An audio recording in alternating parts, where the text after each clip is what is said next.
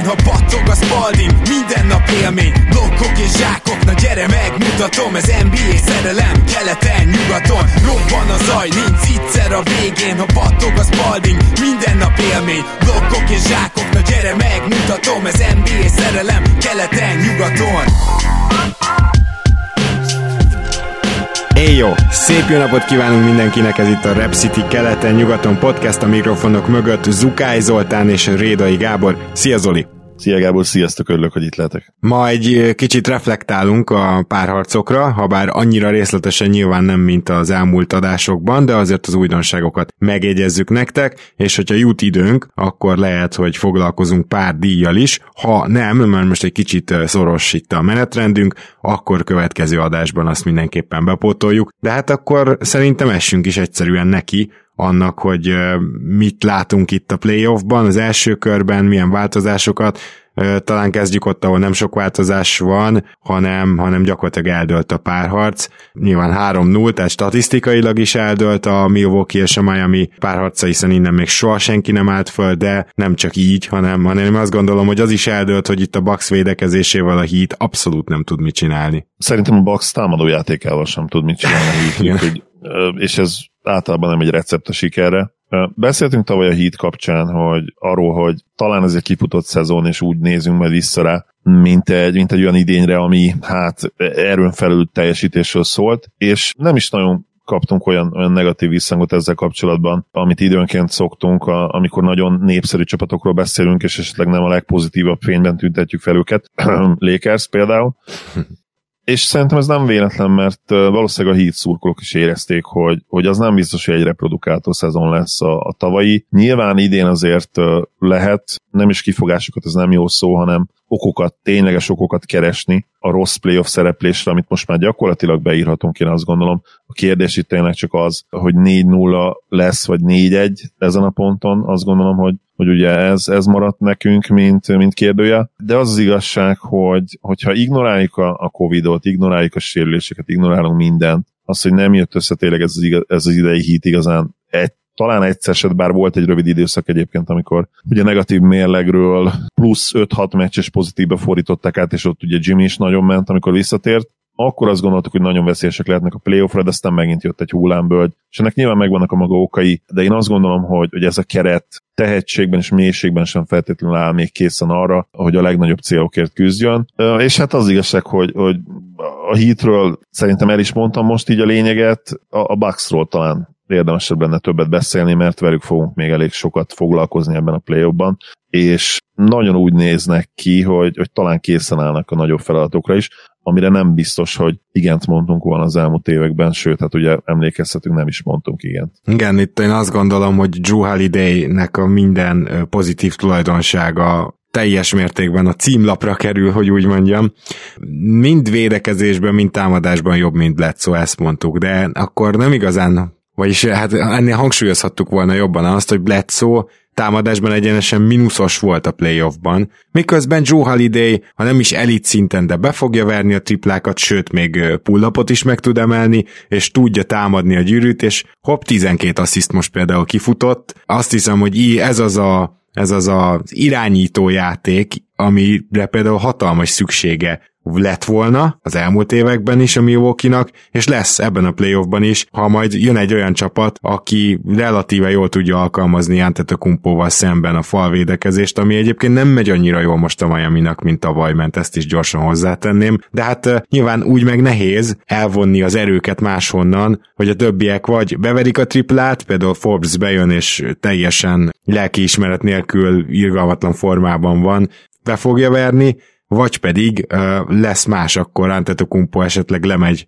López mellé, vagy ad egy elzárást, egy Zsuhal idejének, az meg támadja a gyűrűt. Tegyük hozzá, hogy Bemadebajónak eddig kett, háromból egy meccse volt elfogadható, ő most mindenképpen egy rosszabb formában van? Valószínűleg igen, mert például a tavalyi playoffban is megmutatta, hogy lehet rá akár támadásban is építeni, nyilván nem mint első számú opció, de, de most, most ezzel is problémája van. Engem jobban zavar az, hogy most védekezésben is teljesen össze-vissza van emberünk, amire abszolút nem jellemző, sőt, ha majd beszélünk az év védője díjról, illetve azokról a defenzív csapatokról, akkor azért a futottak még kategóriában én szeretném majd felsorolni a nevét, szóval ezek egy kicsit ilyen meglepő dolgok, de a Bucks nagyon jól funkcionál, Chris Middleton a szokásosat hozza, az egy megbízható ilyen már-már all teljesítmény, tehát igazából teljesen rendben van a Bucks, az a kérdés, hogy ilyen szűk rotációval, meg például Bobby Portisszal a rotációban végig tudnak-e érni. Szerintem ez itt a, a nagy kérdés velük kapcsolatban.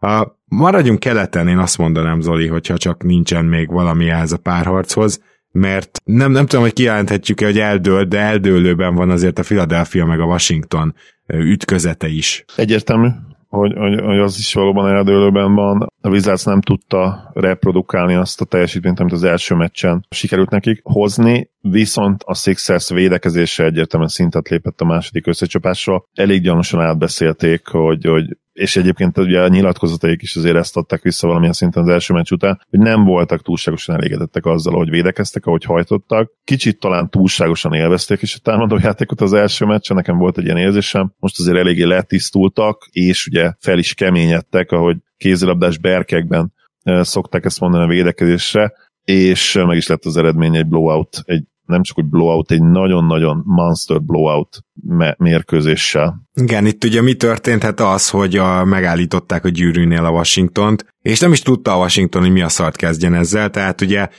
úgymond belekényszerítették őket a triplákba, tudom, ez nagyon furcsán hangzik az elmúlt évek alapján, de triplákat próbáltak dobni, meg középtávolikat, Westbrook sorra hagyta ki őket, igazából Bill tartotta valamennyire középtávolikkal és pull-up triplákkal, és, és nagy ritkán gyűrűig eljutva meccsben ezt a Washingtont. Na most, hogyha ezt a fő dimenziójukat elveszed, és még futni sem tudnak annyit, akkor a Washingtonnak nincsenek egyéb eszközei arra, hogy egy Philadelphiát megverjen, úgyhogy akkor ez 4-0 lesz. Itt jutottunk el addig a pontig, hogy szerintem muszáj beszélnünk egy kicsit a Westbrook szurkoló incidensről. Nyilván előre veszem most a New York meccset is, ott ugye a Knicksnek a, a csarnokában hát elkezdett hang, elhangzani az, hogy fuck Trey Young, fuck Trey Young, és aztán állítólag még, még most mai napig nem tiszta előttem, hogy vagy szurkolók maguknak, vagy a hivatalos PR személyzet osztogatott ilyen szórólapot a második meccs előtt, hogy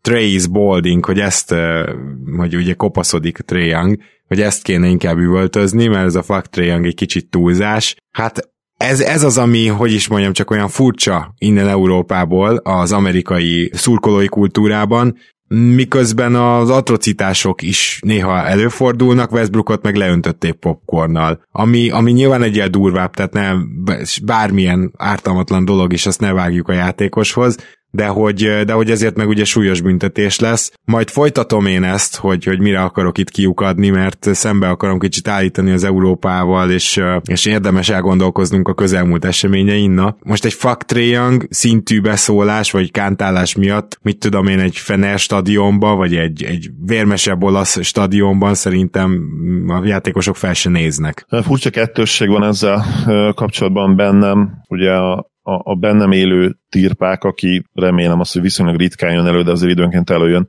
illetve a cinikus tirpák, azt mondaná, hogy semmi baj nincs ezzel, de, de a józanabb énem, amelyiket amelyik gyakrabban, azért szerencsére jelen, gyakrabban van jelen szerencsére, mind a két szituációra azt mondja, hogy, hogy nem fér bele, egyértelműen nem fér bele, és az, hogy az étele megdobok valakit, annak ugye több visszás része is van. Na igen. Nem, nem jó dolog pocsékolni, főleg ugye Amerikában, ahol azért nagyon sok, ugye Amerikában ez a furcsa kettőség van, hogy azért elég komoly, elég nagy az a réteg, és főleg ugye az afroamerikai játékosok, ahol, ahol felnőnek ugye azokban a szomszédságokban, nagyon sok az alultáplált gyerek, akinek nem jut kaja. Nem akarom e, ebbe az irányba elvinni feltétlenül, de, de akár ez is eszébe juthat ezeknek a játékosoknak ilyenkor. És hát persze ők, ők én értem, hogy európai szemmel az a zsigeri reakció is bennünk van, ugye, hogy Westbrook is lenyilatkozott, nyilatkozta, hogy hát ez igen, tehát ne nézzük ezt el, és utalt finoman megint, megint a rasszizmusra, ugye, ahogy ugye sokszor megtette ezt már, és egyszerű azt mondani, hogy ne, ne szórakozzunk már minden rasszizmus minden Európából, és, és akkor ez, ez csak egy szimplán olyan jelenet, amikor valaki tirpák volt, és megdobta kajába, tök mindegy, hogy fehér volt az illető,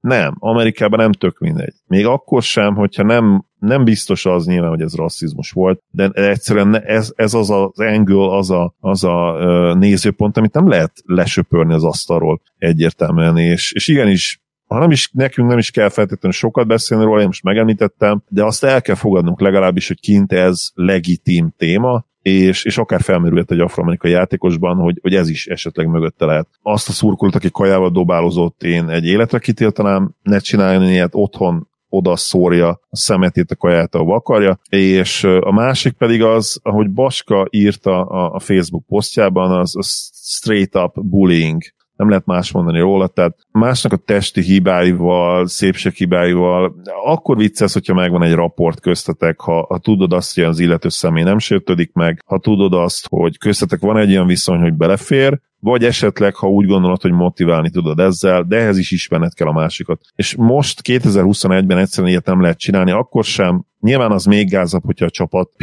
PR-osától jött, szerintem neki akkor akár az állását is el kell veszítenie, mert ez egy nagyon-nagyon rossz üzenet. Ha meg a szurkolóktól jött, akkor pedig a Knicksnek el kéne határolódni ettől, mert könnyen lehet egyébként, hogy Trae ez bizony problémát okoz az ő, az ő önbecsülésében, az ő magabiztosságában, azt, azt a szemét illetően, aki ő egyébként a pályán kívül, mert nyilván a pályán egy rohadtul magabiztos srácot látunk, de nem tudjuk, hogy egyébként őt mennyire zavarja az, hogy tényleg hát olyan a haja, amilyen, és hogy ráadásul kopaszodik is. És, Na jó, de és akkor a fuck Trae Young szerinted jobb, mint gyakorlatilag az, hogy Trae kopaszodik? A, abszolút, tehát hogyha már hmm. kettő között kéne választanom, akkor igen, én egyértelműen azt gondolom, hogy a fuck Trae Young az jobb, ja. az se jó hozzáteszem, de az is valamilyen szinten bullying, de, de nem, nem, egy, nem egy olyan típusa, amit, amit azért el kellene ítélni szerintem mindenkinek. Tehát az, nálam jobban belefér, de egyébként az se fér bele, inkább így mondanám. Mm.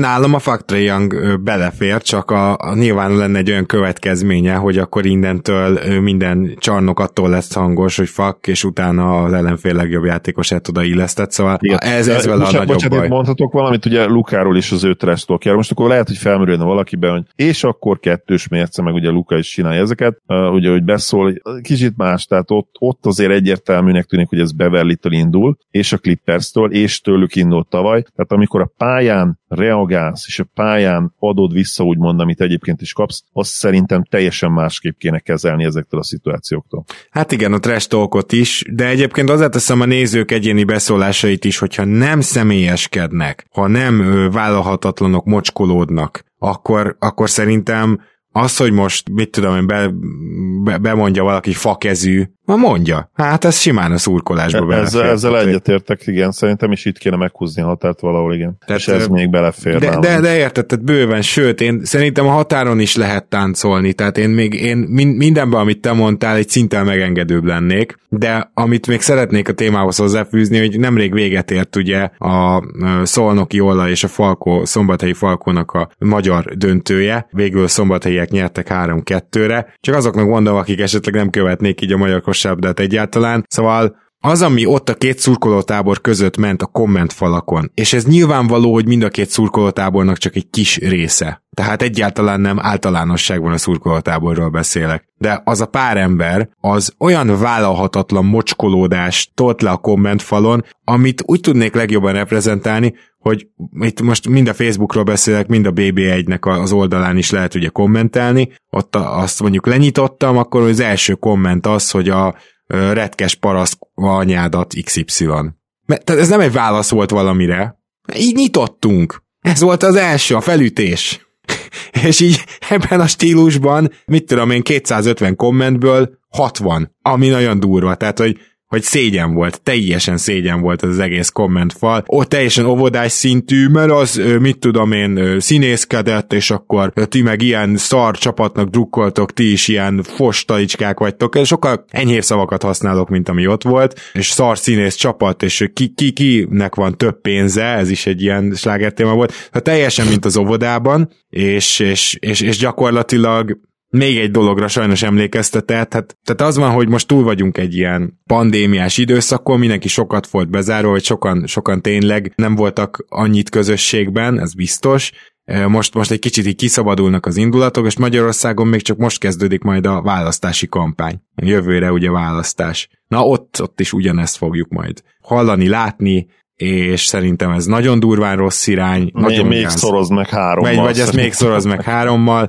elképesztően gáz, szóval, hogy a másik véglet sem jó természetesen, és egyáltalán nem akarom azt, hogy afele menjen az NBA mondjuk, hogy ilyen teljesen vállalhatatlan mocskolódás ö, jöjjön mondjuk a nézőtérről, és ezért megértem azt, hogyha inkább szigorúak, és inkább úgymond kicsit gyerekesebb marad a szurkolás, és olyan igazán jó beszólásokat is alig-alig lehet hallani, úgyhogy inkább akkor már ebbe az irányba menjünk, mint abba, amit most például a, a magyar döntőnél láttam, egyébként gratulálunk a szombathelynek, és természetesen minden olyan szurkolónak is, aki fantasztikus munkát végezve biztatta a csapatát, nyilván nem róluk beszéltünk az előbb. Na jó, ezt akartam így felhozni, egyébként a párharccal kapcsolatban még annyit, hogy ha most tippelnék, a felvételünk pillanatában még csak két meccs ment le, akkor azt mondanám, hogy ez 4-0 lesz. Én is inkább a 4-0-ra, mint a 4-1-re tippelek, a 4-0 felé hajlok abszolút. Minden szempontból jobb csapat ez a, ez a Sixers.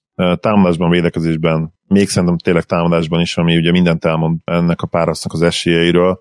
Esetleg egy, egy hatalmas Bill és Westbrook teljesítménnyel egy meccset valahogy behúzhatnak, de, de hmm. ahhoz, hogy kettőt nyerjenek, ahhoz már tényleg nagyon komoly csapat teljesítmény kellene, de én is mondom, hogyha választanom kell, pisztolyt valaki a fejemhez nyom, akkor azt mondom, hogy söprés inkább. Hát meg így, hogy kezdi lezárni a festéket a Sixers, így mondjuk a nagy Westbrook teljesítményt, azt nem, nem tudom honnan tudjuk előkapni. Viszont akkor most már menjünk végig keleten, ha már emlegettük a New York és az Atlanta összecsapását. Nyilván a Madison Square Gardennek a közönsége az mindig is kapható volt arra, hogy a, hogy is mondjam, csak amerikai átlagszurkolóknál kicsit jobban támogassák a csapatukat, meg az ellenfelet jobban csesztessék emellett. Nem, nem is biztos, hogy ez az első fele igaz volt, amit mondtam, de a második fele mindenképpen. Na, hát itt a New Yorknál úgy tűnt a második meccs első fél idejében, hogy elérkeztek a teljes mélypontra támadásban, és aztán a második fél időben egyszerre tudtak fantasztikusan védekezni, és egyszerre tudott végre Julius Randall jelentkezni, hogy ha itt vagyok, én vagyok a legtöbbet fejlődött játékos idén, mert hogy megkapta a díjat, és annyit elárulhatok előre, hogy nálam is megkapja, tehát teljes joggal. Ha a New Yorknak az igazi arcát láttuk most ebben a félidőben, akkor az jól néz ki, de egyébként nagyon kellett ez a félidő, különben 0-2 lehetett volna, úgyhogy Úgyhogy ez egy végletekig kiélezett, izgalmas párharc lehet tulajdonképpen, ahol tényleg azon múlik legtöbb, a legtöbb dolog, hogy New York képes lesz a támadásban legalább ilyen közepes lenni. Én abszolút úgy éreztem a második meccsen is, hogy, hogy a Hawks kezébe van ennek a párharcnak a sorsa, az ő dobás minőségüket abszolút magasabb szintűnek találtam, és ha nem ennyire gyengén dobnak tényleg, főleg ugye Bogi és Galinari ketten együtt 4 per 22-t dobtak triplából, ami azért elég durva. Jó pár in out is volt ebben egyébként. Szóval, hogyha, hogyha nem dobnak ilyen rosszul, akkor szerintem megint esélye lett volna a Hawksnak idegenbe ellop a második mérkőzést is. Én abszolút azt érzem, hogy a Hawks és a post Macmillan Hawks, tehát a Macmillan féle Hawks jobb csapat, mint a Knicks.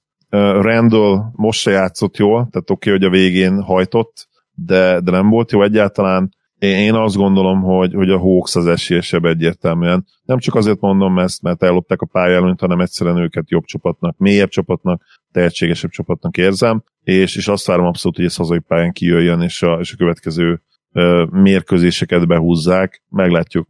Én annyit mondanék, hogy na- nagyon tetszett, hogy Tibodó végre valahára azért hajlandó volt módosítani ezt a Trajan pick and roll elleni védekezést. Konkrétan másfél meccset kellett várni rá. Már mondtam, ugye, bár múltkor kapellával sikerült, de szóval Noel egyszerűen visszaszalad a gyűrűhöz, Young dobálta a kis hát flótereit. Na most láttunk már hedge láttunk már csapdát, tényleg megpróbálják fent megállítani Trajangot, kivenni a kezéből a labdát. Ó, oh yeah, Tehát, hogy ezt én nagyon üdvözlendőnek tartom, ez az egyik. A másik oldalon is védekezésben van egy kis megfigyelésem, hogy ugye kíváncsi leszek rá, hogy hogy reagálnak majd arra, hogy rendül elkezdte megverni az embereit, mert ugye eddig DeAndre Hunter védekezgetett rajta, meg még John Collins is, és John Collins-t egész évben az egymás elleni párarcok során rendül megette reggelire. Na most, hogyha ő beindul, akkor azért legalább fel tudja tenni a New York azokat a kérdéseket, amiket az elején is fel kellett volna. Úgyhogy ott én kíváncsi leszek, hogy hogy reagálnak, mert ugye beszéltünk erről még a bearangozóban, hogy kapelát rátenni, az, az nem biztos, hogy jó ötlet összességében a védekezésednek, úgyhogy ezt érdemes lesz figyelni, valamint azt, hogy ugye Derrick Rose, hát egyelőre fantasztikus, az egyetlen biztos pontja támadásban a New Yorkiaknak, és ugye a második fél időben Elfit Payton már pályára se került emlékeim szerint, Szerintem be fog katapultálni Róza kezdőbe, mert annyival nem gyengébb védő Alfred Paytonnál, mint amennyire kell az ő támadójátéka jelenleg a Knicksnek. Úgyhogy lesz, lesz itt egy ilyen változás a következő meccsekre, ebben majdnem biztos vagyok. Jó, és akkor még egy ö, keleti párharcunk maradt, ugye, ez pedig második és hetedik helyezett összecsapása. Hát ezt is kicsit kezelhetjük már-már eldöltként. Szóval az a helyzet, hogy a Boston nem nagyon tudott ellenállást mutatni a Brooklyn felé, és igaz, hogy két különböző mérkőzés volt, más típusú, az első egy lassú, az elsőn lassították a játékot, másodikon pedig rohantak a csapatok, mind a kettőből magabiztosan a Brooklyn tűnt jobbnak. Egyetértek én is ide venném ezt a páracot, nem olyan szinten, mint mondjuk a Sixers vagy a Bucks sorozatokat, de nyilván itt is nehéz olyan szenáriókat felvázolni a fejünkben, akár még a fejünkben is, amivel úgymond visszajöhetne a, a Celtics. Múltkor is beszéltünk arról, hogy tényleg annyira le kell egyszerűsítenünk itt, hogy, hogy azt mondjuk, hogy Térumtól kell egy 50 pontos mérkőzés, vagy 45 pontos, és amikor ilyenekről beszélünk, akkor azért az már jelzés értékű. Az egyértelmű, hogy máshonnan nem fog jönni nagy mérkőzés. Kemba nem fog lehozni e, nagy mérkőzést, és, és azért hangsúlyozom ki ezeket, ugye, hogy miért lenne szükség támadásban ezekre a nagy mérkőzésekre. Hát nyilván azért, mert az ellenfél olyan, amilyen, olyan stílus képvisel, amilyen van három szupersztárja, akik közül hogyha Irvinget nézzük, lehet, hogy összességében nem említenénk ott a legjobb játékosok között, de hogyha a támadó oldalt nézzük, akkor tök egyértelmű, hogy, hogy akár még a top 10-re is van esélye, hogyha tényleg csak a támadásokat nézzük, és amikor ugye egészséges. És ez, ez olyan szintű dilemmákat okoz a, a Brown nélküli Celticsnek, amire szerintem nincsen igazából taktika. Tehát itt tényleg van az a közsze Amerikában, hogy pick your poison, ezt szokták mondani nagyon sokszor, és ezt egy játékos is használják akár, aki ugye nagyon-nagyon sok oldalú, mint például egy Nikola Jokic, akiről beszélünk majd, ő, ő egy ilyen egyszemélyes pick your poison játékos, de itt három olyan játékosról beszélünk, akik külön-külön is pick your poison típusok, és akkor egybe. Még, még viszonylag jó kohézióval is tudnak, tudnak együtt játszani, mivel nagyon-nagyon jó shooter mind a három, és ez a kulcs ugye a mai NBA-ben nem lehet egyszerűen még értelmes gameplant sem felrajzolni ellenük, akkor van esélyed, hogyha 2V elit csapat vagy, ami a Celtics idén teljesen egészségesen sem volt. Azt hozzáteszem, hogy nekem az első meccs taktikája, a, a játék lassítása, a támadó lepattanókért csak tisztán Thompson megy, visszarendeződünk, ez nekem tetszett. Tehát szerintem ezzel igenis tudták lassítani a három sztárt. Félpályás támadásban is nagyon jók nyilván, de a legnagyobb halál a Netszel kapcsolatban az az, hogyha tudnak rohanni, és Joe Harris üres triplák jönnek ebből. Akár early offense is beszélhetünk, ami ugye a lerohanástól annyiban különbözik, hogy egyszerűen nem lerohannak, de nagyon gyorsan mennek mondjuk akár egy kapott kosár után, és rendezetlen védelem, védelmet kezdenek el megbontani. Tehát, hogyha hogyha ezeket tudja tolni a Brooklyn, és abból mondjuk 13 rádobott triplája lesz Joe Harrisnek, és nyilván azért emelem őt ki, mert hogyha már úgy, úgymond valahogy még azt a három embert megpróbálod megfogni, és nem lesegíteni róla, akkor már fel kell adni akár az NBA legjobb tripla dobóját, aki szintén a csapatban van. Na, ezeken a meccseken lesz, lesz kiütés. És ezért nekem sokkal jobban tetszett az az első meccsen, hogy lassan játszott a két csapat a Boston szempontjából. És hogyha belegondolunk, Tatum ott is elég vállalhatatlan volt a második meccsen is egyébként. Kevesebbet kéne ájzózni, mert az nem az erőssége, csak ugye switching defense ellen mit csinálsz, illetve hát Kemba Walker szintén nem hozott nagy meccset, de ha valahogy nyert, meccset nyerhet a Boston, az mégiscsak így lehet, hogy dobjon az ellenfél százat, és akkor azt megpróbálni túldobni. Nyilván kevesebb lehetőségből, tehát nem véletlen, hogy a Boston azon a meccsen, nem tudom én, 89-et vagy mennyit dobott, de De ilyen alacsony, alacsony pontszámú, lassú mérkőzések felé mennék én a Boston helyében, ezt próbálnám erőltetni, mert a futnak, akkor esélyük sincs. Igen, ezzel mindenképpen egyetértek. Akkor viszont szépen menjünk át nyugatra, ahol két meccsen van túl az első és a nyolcadik, a Jazz és a Grizzlies. Hát ahogy várható volt, Donovan mitchell kiegészült jazz már egyáltalán nem tudták megállítani a macik. Mondjuk ebben nagy szerepe volt annak, hogy Valanciunas és Dylan Brooks és JJJ is sikeresen beütött három faltot az első félidőben, elképesztően sokat faltolt a Grizzlies, nem is jöttek ki jól belőle. A második mérkőzésről beszélünk természetesen.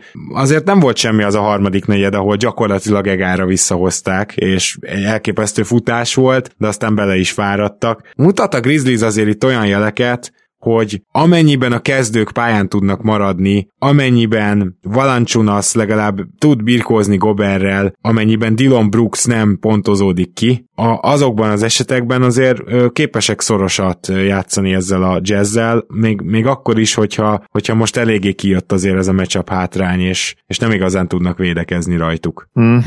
Az első meccs nyilván nagyon-nagyon ígéretes volt, ugye független attól, hogy megvitattuk azt is, hogy ha a Gobert nem pontozott ki, akkor valószínűleg megnyerte volna azt is a Jazz. Viszont én a második mérkőzésből is le tudok vonni egyébként pozitívumokat a, a, a Grizzlies-zel kapcsolatban, és ezt te is elmondtad gyakorlatilag. És bár itt soroltad fel ugye a körülményeket, amelyeknek meg kellett lenni, illetve akár valószínűleg együtt kell, együttállás is kell közöttük, hogy itt igazán tényleg meccseket nyerjen a, a Grizzlies, azért nem annyira lehetetlen dolgok ezek, tehát az látszik már most, hogy ez egy olyan tehetséges fiatal csapat, amelynek a, a kollektív talentuma okozhat meglepetéseket, akár már idén. Én nagyon-nagyon kíváncsi leszek arra, hogy hazai pályán nem tudom, hogy hány néz, néző lesz Memphisben, de, de ha, ha esetleg majdnem te, teltház vagy ahhoz közeli, én nem vagyok abban biztos, hogy, hogy a jazz úgymond még hátradőlhet. Nyilván az eredmény alapján egyáltalán nem dőlhet hátra, de, de abban sem vagyok biztos, hogy, hogy matchup szinten és, és, és az alapján, amit eddig láttunk, hátradőlhet, mert igenis van olyan szint, talentben, tehetségben, ami felülírhatja a meccs problémákat, és én ezért várom nagyon-nagyon-nagyon a, a harmadik mérkőzést, mert támadásban most is gyakorlatilag mondhatjuk azt, hogy a Memphis, eh, ha nem is azt csinálta, amit akart, de legalábbis például a harmadik negyedben minden működött, és, és nekem reprodukáltónak tűnik ez valamilyen szinten. Hát legalábbis a eh, kezdőjüknél. A kezdőjüknél, igen. És nyilván sokat kell játszani a, a, ugye a, a rotációnak, és itt, itt sajnos lehet, hogy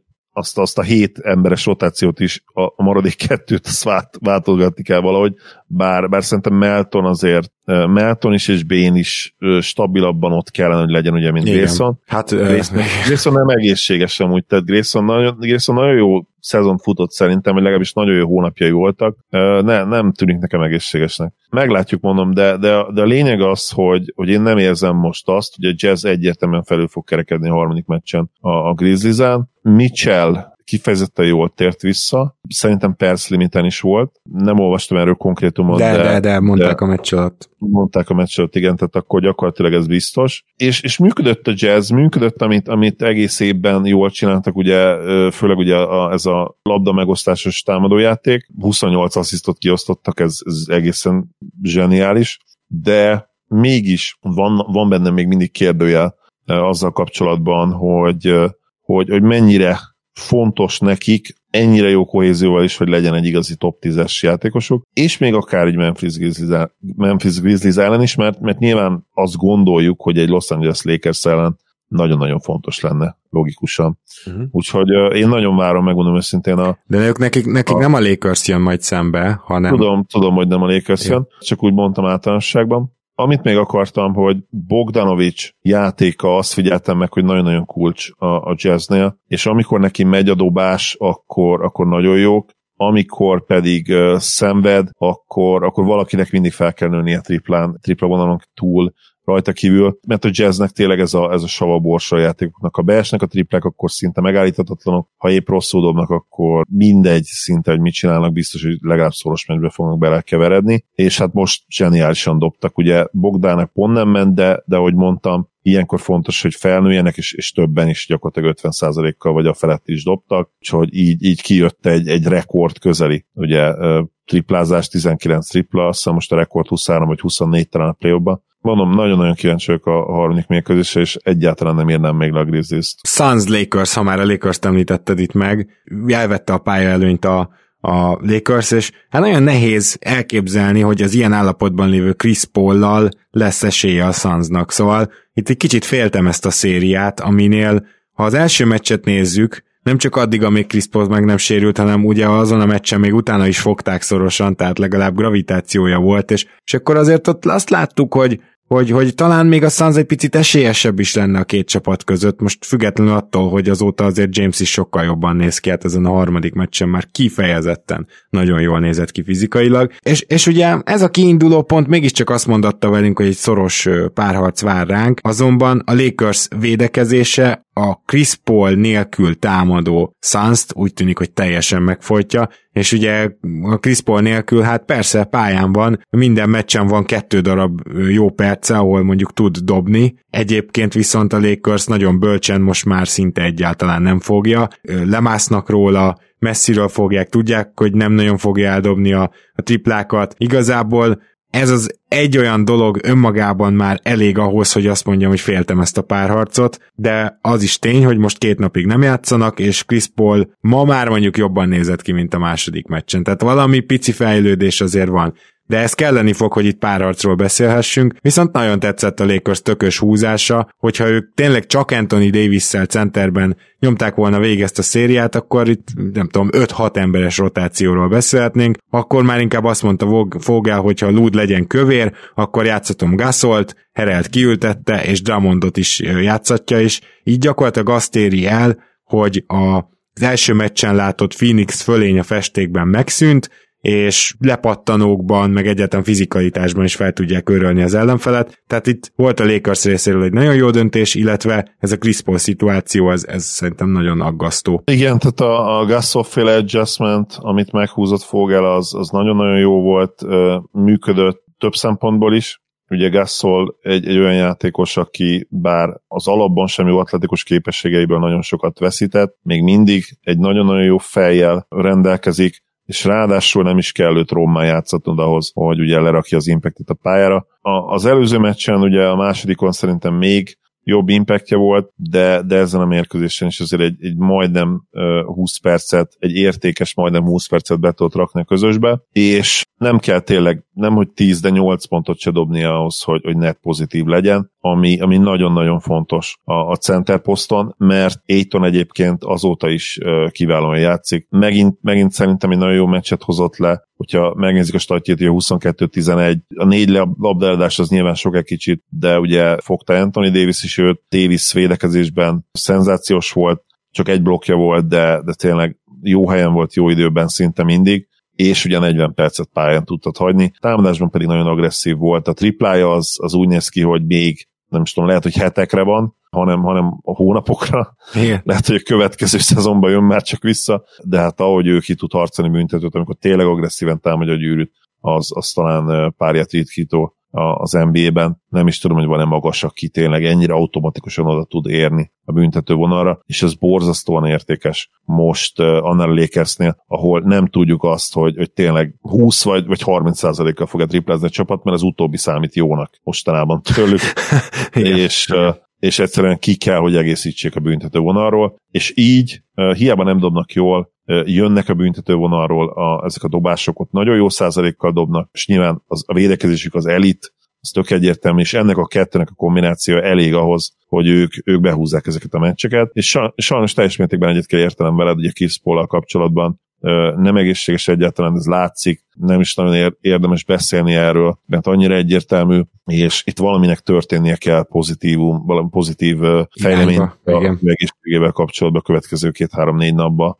Különben én is abszolút féltem ezt a párharcot, tehát innen, hogyha, hogyha a következőt is elveszítenék, akkor szerintem szinte garantált az 1-4-es kiesés, mert a, a Phoenixnek nincs meg az a rutinja, hogy amikor falhoz szögezik őket, akkor előjöjjenek, előrukkoljanak valami nagyon jóval. Én nem látom azt, hogy ők akár hazai pályán ugye 3-2-re tudjanak szépíteni, ha egyébként tényleg egy ekkora lukba kerülnek bele, és, és egy háromra fog vezetni, illetve három egyre fog vezetni a Lakers. Úgyhogy a kulcsmeccs, kulcsmeccs jön, és nagyon-nagyon kíváncsi vagyok, hogy, hogy mit tud kitalálni Monti, mert nála még várat magára az, az, az igazi killer adjustment, amit, amit Fogel meg tudott lépni. Hát de ő miből lépje meg? Tehát, hogy érted, most a, ha nincs Paul, a támadójátékodnak a, a legfontosabb eleme, mert nyilván Booker a legjobb scorer, de nyilván Paul a legfontosabb eleme a támadójátéknak, az kiesik. Lehetne vitatkozni, hogy a legjobb játékosod gyakorlatilag mínuszos jelenleg a pályán, és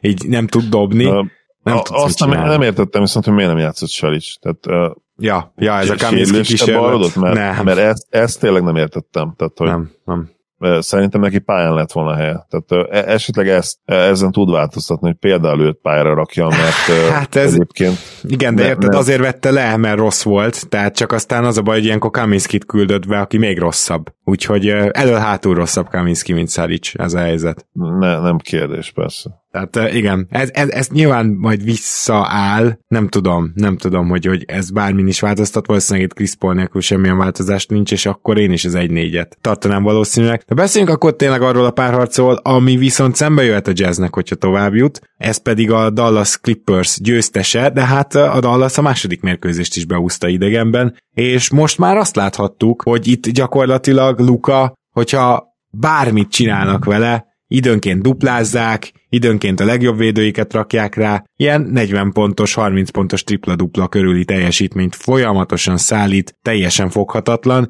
és azt mondanám, hogy amíg a Clippers nem jön arra rá, hogy a többieket viszont azért valamennyire lehet limitálni, addig ne csodálkozzon senki, hogy ilyen félelmetes dobó estéket rendez a Dallas, mert értem, elképesztően dobtak a második meccsen is, és felhozhatják a Clippersnél, hogy hát így még egyszer nem fognak dobni. De ha csak és kizárólag üres sarok triplákat dobál Dorian Finney-Smith, akkor, akkor fog 50%-kal dobni, hogyha Maxi Kleber szintén fog 50%-kal dobni, szóval ezzel az a problémám, hogy egyelőre valahogy olyan rosszul koncentrálnak Lukára, hogy még az sem működik, hogy őt lassítsák, és közben meg folyamatosan üres helyzetekben vannak a többiek. Igen, ugye itt mindenképpen lehet számítani valami visszaesésre, tehát nem fog a Dallas a két hazai meccsen mind a kettőnél bőven 40% felett triplázni, ez teljesen egyértelmű. Vagy legalábbis nagyon-nagyon valószínű. Nyilván teljesen leírni a dolgot nem lehet, kizárni, de, de amit mondasz, az tény. Tehát a, a tripláik nagy százaléka azért elég üres, ugye Hardaway-től jött szerintem csak az előző meccsen három wide open sarok tripla, amiből ő azért brutálisan jó. És persze KP bedobott egy, egy messzit is, Hardaway bedobott kettő darab messzit, ami üres volt, de ugyanakkor nagyon messze is volt, tehát ezek azért logikusan nem mindig esnek be. Luka, Luka lehet az, akitől jöhet vissza is ugye a triplából, második meccsen 38%-kal dobta, és hát ugye azt az egylábast is például beverte, de, de alapvetően a játék képe az, az a Mavericksnek kedvez eddig, és amit ők akartak, és amit ugye Carlisle csinál, az, az sokkal inkább működni látszik eddig, viszont azt is azért tudomásul kell venni, hogy ez nem egy szimpla 4-5 párharc, abból a szempontból nem, hogy, hogy a Clippers gyakorlatilag választott ezt a negyedik helyet, és igen, eddig úgy néz ki, hogy ráfázhatnak, de azért, eh, ahol van egy Kawhi Leonard, aki egyébként zseniálisan játszott a második mérkőzésen is, eh, ahol van egy Paul George, ahol van ilyen szintű talent a, a keretben, ott nem azt mondom, hogy szinte lényegtelen, az, hogy az első két hazémeccset elveszítették, de tök egyértelmű, hogy hogy itt nem a normál otcok vonatkoznak erre. Ugye az eddigi 31 ilyen párharcból, ahol a hazai csapat elvesztette az első két mérkőzést, 27-szer bukta el azt. Hogyha ezt a Clippers csinálna meg 31, egyszer azért ők nem 27-et buknának. Ennél valószínűleg lényegesen kevesebbet. Innen azért már azt ki kell jelenteni, hogy a Mavericks kicsivel esélyesebb. Pontosan hova rakjuk a százalékokat, hogy ez 60 százalék, vagy 58 százalék, vagy 63 százalék, azon azért lehet vitatkozni, és, és valószínűleg nincs is rá egyértelmű válasz de jelen pillanatban azt hiszem az egyértelmű, hogy a Mavericks esélyesebb, és, és hát hazai pályán, ahol egyébként nem nagyon játszottak jól idén, ott kellene folytatni ezt a, ezt a típusú játékot. És hát, Pontosan mondtad ezt, hogy amit Carlisle csinál, illetve hogy ezt a típusú játékot, tehát most mi, milyen erősségét emeled itt ki a, a Dallasnak, vagy, vagy mire gondolsz? Ezek alatt. Igen, hát ugye egyértelműen a, a pick and roll-t, tehát ugye Luka pick and azt kell továbbra is erőltetni, nagyon jó döntéseket hoz belőle, hogyha Kava is most sokszor aláment a, a screennek, azt, azt azokból ugye nagyon magabiztosan beleállt, ezt nyilván folytatni kell, sokkal inkább ezt kell erőltetni, és tényleg ezeket eldobni, mint, mint bemenni a festékbe, ahol egyébként a második meccs vége felen nem, de, de amúgy viszonylag jól limitálják Lukát, tehát nagyon sok ilyen turnaroundot kell dobnia, félövéket kell dobnia, és eddig ezek is beesnek, de azt azért legalább jól csinálják Clippers, hogy nem engedik, általában nem engedik teljesen a gyűrűig eljutni Lukát, mert ugye tudjuk, hogy akkor ő, akkor a legveszélyesebb ő gyakorlatilag, és, és a Mavericksnek egyébként eddig annyira jól működik ez a, ez a jump shooting és tripla dobó játéka, hogy nem is nagyon kellett még előhúzni semmi más. Az lesz az érdekes, amikor majd bedeszkázzák kicsit a gyűrűt, hogy mit tud kitalálni Carlisle. Ugye Branson lehet az egyik ilyen fegyver, aki egyébként ragyogóan játszik, de még alacsonyabb usage százalékkal. Egy olyan mérkőzésen, ahol nem esnek annyira triplek, valószínűleg neki is többet kell majd támadni a gyűrűt, és Lukának is többet kell támadni a gyűrűt, és lesz szerintem a következő két-három mérkőzésből egy olyan, ahol egyszerűen be kell dobni a Mavericksnek a büntetőket ahhoz, hogy, hogy meccsben maradjon és legyen esélye, és eddig ebből a szempontból viszont pocsékak ebben a, ebben a párharcban, úgyhogy ez lehet még majd kulcs, és, és erre leszek kíváncsi, hogy tényleg jön ez a meccs, ahol be kell dobni a büntetőket a végjátékban, és ha igen, akkor képes lesz erre a, a Dallas, mert még az a, az a Hardaway Junior is, aki azt hiszem bőven 80% felett van, most 4 per 8-at dobott, Luka ugye 2 per 7-et, és ennek köszönhetően lett egyébként képi is elég sokat kihagyott, ennek köszönhetően lett egyébként egy végtelenül simának tűnő mérkőzés, nagyon-nagyon szoros azért a végére, tehát a, a Clippersnél volt azt hiszem a labda, úgyhogy három pont volt közte. 1 perc 45 vagy 1 perc 50 a vége előtt. Amit én még hozzá akarok tenni ehhez az az, hogy azért itt a második meccsen a Clippers már a Dallas védekezésének feltett egy pár komoly kérdést, amiről beszéltem az első meccs után, hogy támadják meg a mismatcheket, százszor jobban működött, Porzingisnek a védekezésbeli egy jó dimenzióját, de mégis kicsit egy dimenziósságát elkezdték sokkal jobban kihasználni, tehát azért a Dallasnak a támadójátékára szüksége lesz, hogy majd befejezze ezt a párharcot, az, az látszik, mert nem hiszem, hogy itt a Clippers-t le tudják védekezni. Igazából eddig se kifejezetten tudták, de én úgy érzem, hogy lassan megvan a recept, és ugye a Dallas egyáltalán nem olyan hát sokoldalú védekező csapat, hogy, hogy ott különböző négy-öt féle dolgot kipróbálja. A a triplát nagyon jól védi eddig a Mavericks, az, az egyértelmű, és abban konzisztensen jók. Nem adnak fel messze annyi üres triplát, mint, mint amihez a, a Clippers szokott. Igen, igen. És, és van egy kis szerencse is, mert az üreseket is eddig azért elég nagy százalékban mellé dobja a Clippers, de, de ezt a részét én kiemelném a Mavericksnek, hogy tényleg jól kergetik le, és, és agresszíven védik a, a triplát, és ez működik is, mert ugye nem nagyon van olyan magas embere a Clippersnek, akinek csak be tudod dobni a labdát,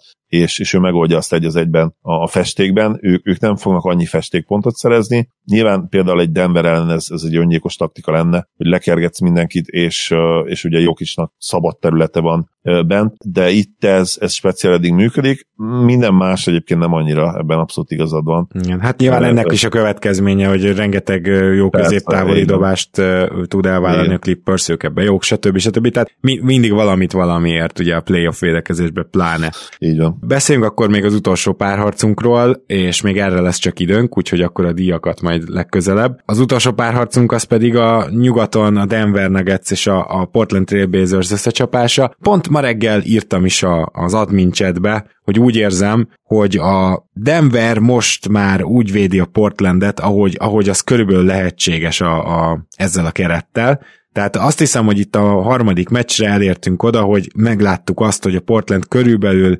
mire lesz képes támadásban, vagy mennyire lehet őket limitálni támadásban a hátralevő időben. Nyilván a dobóforma még ezen változtathat, most ugye 115 pontot dobott a Portland, de én azt gondolom, hogy most úgy kettő egy ez, a, ez az állás, ez a párharc, hogy azt már én, én megmerném kockáztatni, hogy ilyen legalább 110-et azért innentől folyamatosan várhatunk a Portlandtől, és gyakorlatilag azon fog múlni, hát hogy hogy, hogy alakul ez az eddig szerintem tök szoros összecsapás, hogy a Denver ezt mikor tudja túldobni, és mikor nem. Most túl tudta dobni, és szerintem ez egy szorosabb meccs volt azért annál, mint ahogy az eredményből sejlik, de azért végig a Denver irányította, úgyhogy a Nuggets igazából megfordította ezt a párharcot, és nem azt mondom, hogy nyugodt lehet, de mindenképpen ők lehetnek most egy kicsit boldogabbak az eddig látottakkal, és, és azt gondolom, hogy a Portlandnek kell reagálni, az ő térfelükön pattog a labda. Ugye minden Nikola Jokic-tól indul el, aki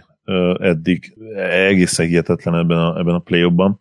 Pontosan megnézem most az átlagait, kérlek szépen 68%-os TS-sel dolgozik eddig. A három mérkőzés alatt 38 pontot átlagol, 12 lepattam és 4 assziszt. Tehát a playmakinget, az assziszt játékot picit meg tudták fogni, de mint scorer egyszerűen szétszedi a Portland Trailblazers-t, mindegy, hogy kitállítasz rá, mindegy, hogy duplázod el, és nem annyira duplázzák egyébként, ugye ez egy, ez egy döntés Stotts részéről, megesz mindenkit reggelire tényleg, és ez még lehet, hogy mindig jobb verzió egyébként valóban a Portland részére, mint hogyha ő 32 pontot átlagolna, de mondjuk 12 assziszta mert valljuk be, hogy ez is benne lehetne a pakliban. A csávó tényleg egy ilyen, nem is tudom, ilyen, ilyen, ilyen Dirk Larry Bird hibrid, nem tudom másképp mondani, mert annyira jól dob most már mindenhonnan, ugye volt azt hiszem talán Nate, uh, Nate Duncannek, vagy lehet, hogy uh, KOJ volt, aki azt mondta, hogy nézzétek meg a shot chartját, ugye Jokicsnak, mm. Gyakorlatilag egy oázis, tehát zöld az egész mindenhonnan a teljes pályán. Tripla vonalon túl, középtávoli, hosszú középtávoli, ne, nem lehet tényleg megfogni gyakorlatilag, és, és minden, indul, minden innen indul ki, és egészen hihetetlen az, hogy egy ilyen kerettel és ilyen backcourt ugye, mint a, mint a Rivers Fakudo, akik egyébként jól játszanak, tehát nehogy félreértsétek, nem akarom őket lefikázni, és ezzel még magasabb szintre elmenni Jokicsot, nem erről van szó, de legyünk őszinték, hogy azért ez nem természetes, hogy, hogy meccseket tud nyerni egy ilyen, ilyen backcourt jelen pillanatban tényleg egészen hihetetlen, és egyébként ami szerintem védekezésbe is léptek előre tavalyhoz képest a Denver nuggets úgy érzem, de, de ahol egyértelműen és sokkal nagyobbat léptek előre, az támadás. Hát a Jokic idén olyan egyszemélyes támadó rendszer, ami, ami köré gyakorlatilag úgy tudod variálni a játékosokat, ahogy akarod, és, és top, top 5-ös offense egy személyben, és ezt vártuk tőle tavaly, hogyha emlékszem, mert én is azért tippeltem oda ezt, és ugye az ilyen tippjátékainkban is ö, volt, azt hiszem, talán nem azt mondom, hogy vita, de ugye nem, nem feltétlenül értettünk egyet abban, hogy Jokic ez a játékos -e még. Én már akkor is ezt vártam tőle, és, és most meg egyértelműen. Ja, és egyébként 94%-kal dobja büntetőket eddig, tehát üssének ki oda. Ja, ja, hát nem nagyon lehet vele mit kezdeni. Ettől függetlenül kell az, hogy a Denver legalább egy közepesnél jobban dobjon, hogy ezt a, ezt a Portlandet túldobja, mert még arról viszont szó nincs, hogy a Portlandet ők akár le tudnak védekezni, úgyhogy ezért gondolom azt, hogy ez a párharc simán lehet szoros a, az ilyen sztárjokicsal is, és egyáltalán nem garantált, hogy a, a Denver nyer nem tudják levédekezni, de egyébként ha azt a kérdést teszi fel, hogy eddig melyik csapat védekezi le jobban a másikat, akkor arra viszont egyetlen a Denver Nuggets a válasz. Összességében jobban védekeznek a, a Portland ellen, amiket próbálnak, szerintem nagyobb intenzitással jobban csinálják. A, a Trailblazers tényleg egy, egy pocsék védőcsapat, és, és ami Carmelo Anthony és, és, és Ennis Kenter pályára rakod, hát, ja. Addig ezzel, ez nem fog változni. Tehát, hát és te... az a vicces egyébként, hogy amikor, amikor Damien Lillard és McCallum mennek, mint a gép védekezésbe, és, és tényleg hajtanak, akkor se jó a védekezés, még az a védekezés sem, amit ők csinálnak. Tehát ezt mondtam reggel, és szerintem valamennyire helytálló, hogy, hogy amikor a Blazers akar védekezni, akkor is szarul védekeznek, csak akkor látványosabb az, amit csinálnak, a rosszat úgymond gyorsabban csinálják, és nagyobb elánnal, de ugyanúgy rosszak a rotációk, ugyanúgy nincsen fogalmuk arról, hogy hogy mikor kéne duplázni, ha dupláznak, hogy, hogy kit adjanak fel. Igen, én nekem főleg ez, tehát ez, hogy, a, hogy súlyozni ugye a besegítéseket, hát ezt a playoffban, ezt tudni kell. Azt, azt is tudnod kell, ki az, akiről mennyire segíthetsz le, hogyha mondjuk Michael Porter Jr.-t hagyott ott, úgy, hogy bemész egészen a gyűrűig besegíteni, akkor az egy probléma. Viszont azért van itt a Denveri rosterben olyan mondjuk például Campazzo, de a ma, a, hát elkapta ugye a fonalat Rivers is, de még róla is sokkal szívesebben lemennék, ha ez bosszulja meg magát, Gordon, legyen például, ez. Gordon, én Gordon, Gordon persze, hát Gordon gyakorlatilag nem is kell a triplánál fogni annyira egy playoffban, tehát azért egy szoros szituációban ezek felnagyod, fel nagyobbítódnak, és, és, és ezt nem látom a Portlanden, ezt a playoff kapcsolót a védekezésükön, úgyhogy ezzel teljesen egyet tudok érteni. Plusz, bocsán, még egy záró gondolatként, és nyilván nem lehet leírni Damien Lillardot és McCallumot, és lehet, hogy most ketten fogok 80 pontot dobni, de mégis ki kell jelentenem, ki kell jelenteni, hogy már lehet, hogy rég el kellett volna McCallumot cserélni, egyszerűen túl nagy az átfedés kettejük között, és, és ez a backcourt nagyon veszélyes, és, és lehet, hogy most arról beszélünk majd, hogy, hogy miattok fordította meg mondjuk egy Denver Nuggets ellen a, a párharcot a, a Portland Trailblazers. Én, én abszolút azt mondom, hogy erre van esély, de et, még ha ez meg is történik, akkor is ki kell mondani, köztük egyszerűen túl nagy az átfedés, és ez szerintem soha nem lesz egy, egy igazi championship backcourt, mert bármennyire is veszélyesek, nagyon-nagyon hasonló típusú játékosok, túlságosan hasonló típusú játékosok, és, és védekezésben meg persze mindig jön majd egy olyan párharc, ahol, ahol egyszerűen áthidalhatatlan lesz ez a probléma, amit többek között az is okoz, hogy ők ketten egymás mellett játszanak, és 40 perceket. Igen, hát már ez a párharc sem néz ki ilyen szempontból jól. Na, akkor jelentkezünk jövő hét elején, és akkor díjakkal is, meg, meg megint visszatérünk a párharcokra, lehet, hogy egy-kettőt le, le is zárunk, például az, hogy addigra búcsú búcsúzunk a hittől, az szerintem gyanús és valószínű, úgyhogy uh, hamarosan jövünk. Zoli, köszönöm szépen, hogy ma is itt voltál. Örülök, hogy itt lettem. Szia Gábor, sziasztok! Kedves hallgatók, tehát akkor nem kell sokat várnotok ránk jövő hét elején sem, illetve köszönjük szépen, hogy hallgattok és hogy támogattok minket Patreonon. Minden jót kívánunk, sziasztok!